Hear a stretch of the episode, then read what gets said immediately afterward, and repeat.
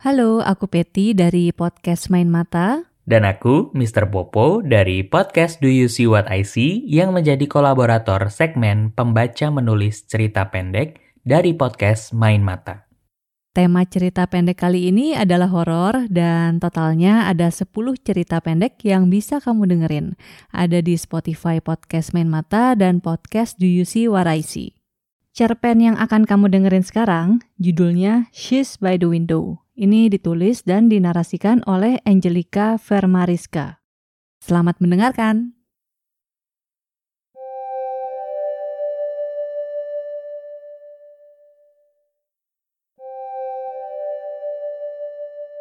Aku masih ingat kali pertama aku menginjakan kaki di rumah ini. Saat itu tahun 2016 dan aku baru saja diterima di salah satu perguruan tinggi di kota Malang. Tidak ada yang spesial dari rumah ini. Yang aku tahu, rumah itu dikontrak orang tuaku untuk kutinggali bersama kakakku selama empat tahun. Rumah ini termasuk kecil, terdapat dua kamar tidur, dua kamar mandi, dan satu ruangan kecil yang digunakan sebagai gudang. Yang pasti rumah ini bukan rumah baru, tapi kurasa juga tidak bisa dibilang tua. Rumah ini dipilih karena berada di daerah perumahan yang cukup aman. Aku langsung memilih kamar yang berada di bagian depan rumah, dengan dua jendela besar yang memandang langsung ke arah halaman rumah. Kamar mandi yang berada di dalam rumah digunakan bersama, sementara kamar mandi satunya berada di luar rumah.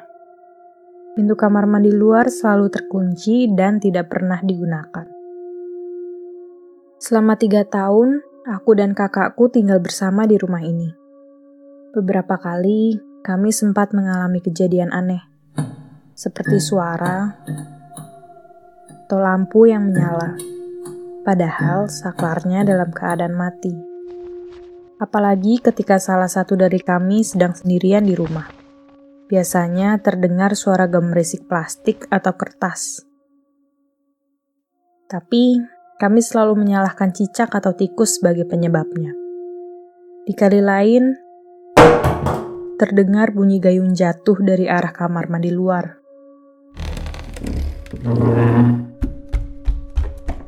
Atau orang menjejak dengan keras. Kami tidak pikir panjang. Kami anggap saja bahwa rumah memiliki suaranya masing-masing. Kami selalu mencari alasan logis mengenai hal-hal aneh yang kami dengar.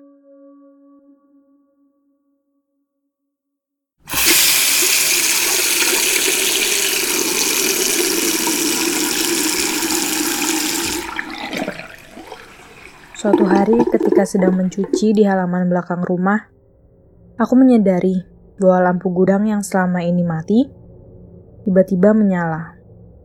Hal ini jelas terlihat dari jendela besar yang mengarah ke tempat mencuci. Malamnya aku menanyakan hal tersebut ke ibu yang saat itu sedang berkunjung. Sebab aku tahu kalau ibu sering kesulitan mengganti lampu. Namun ketika ditanya, raut wajah beliau berubah bingung. Saat itu juga beliau mengajakku ke gudang untuk memastikan apa yang tadi siang aku lihat. Nyatanya, lampu di gudang memang tidak dapat menyala. Dan saklarnya dalam keadaan mati. Ibu lalu menenangkan hatiku dan mengatakan, "Mungkin saja aku salah lihat." Walau aku yakin dengan penglihatanku siang itu. Rangkaian pengalaman tersebut makin mengganggu ketika aku mulai memasuki tahun keempat perkuliahan. Saat itu aku sendirian di rumah, karena aku tengah menjalani kegiatan magang di kota Malang. Sementara kakakku masih berada di kota asal kami. Kala itu aku sedang mengerjakan lamporan akhir magang di ruang tengah. Aku memang terbiasa memisahkan ruang tempat beristirahat dan ruang bekerja. Namun karena aku bosan, akhirnya aku putuskan untuk rebahan di kamar sambil memainkan handphone. Tiba-tiba,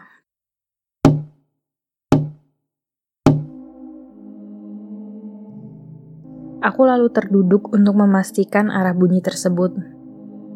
Tak berapa lama bunyi yang sama kembali terdengar dari arah jendela di depan tempat tidurku.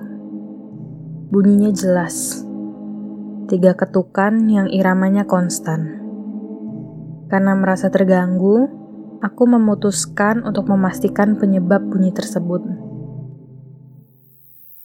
Setelah mengumpulkan keberanian, aku pergi ke depan rumah dan mencari benda apa saja yang bisa mengenai jendela kamar. Namun, aku tidak dapat menemukan apa-apa. Tidak ada serangga atau tangkai tanaman di dekat jendela. Aku lalu memutuskan untuk kembali mengerjakan laporan dan tidak terlalu memikirkan bunyi ketukan tadi. Lagi-lagi aku mencoba merasionalkan penyebab bunyi tadi. Mungkin itu suara dari tetangga sebelah yang terdengar hingga kamarku.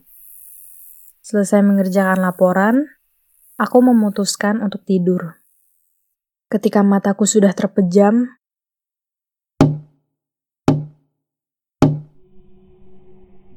saat itu kamarku sudah gelap.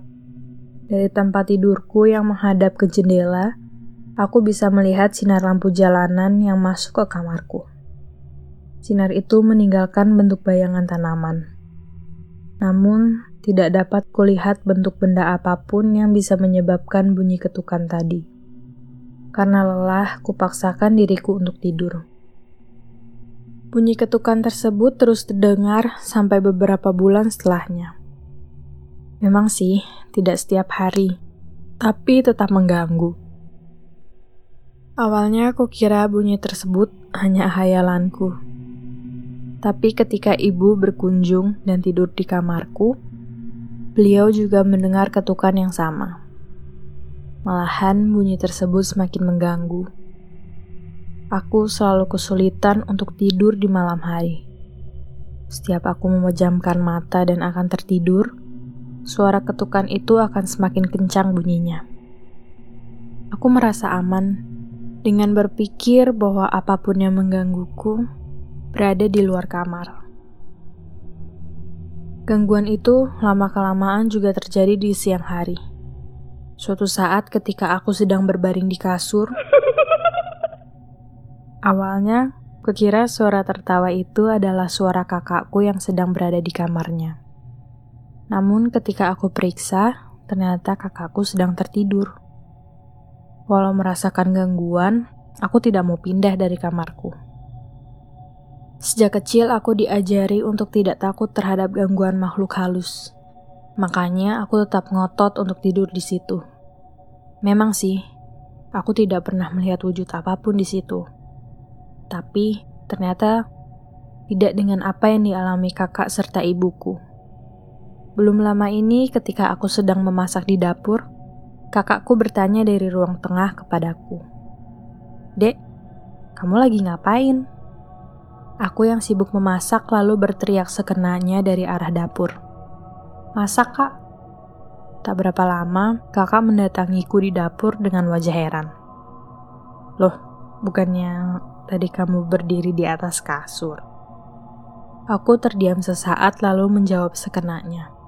Mungkin yang dia lihat adalah ukulele yang kugantung dekat kasur. Kejadian itu mengingatkanku pada kejadian beberapa bulan lalu, ketika ibuku sedang mampir. Siang itu, aku sedang memarkirkan motor. Ibu menyambut kedatanganku dengan wajah pucat. Belum sempat aku menghampiri beliau, ibuku langsung bertanya, "Adik, bukannya kamu di kamar?" Terus, Tadi siapa yang duduk di tempat tidurmu sambil ngadep ke jendela? Tadinya, aku merasa aman dengan berpikir bahwa apa pun yang menggangguku berada di luar kamar. Ternyata selama ini aku salah. Dia ada di dalam bersamaku.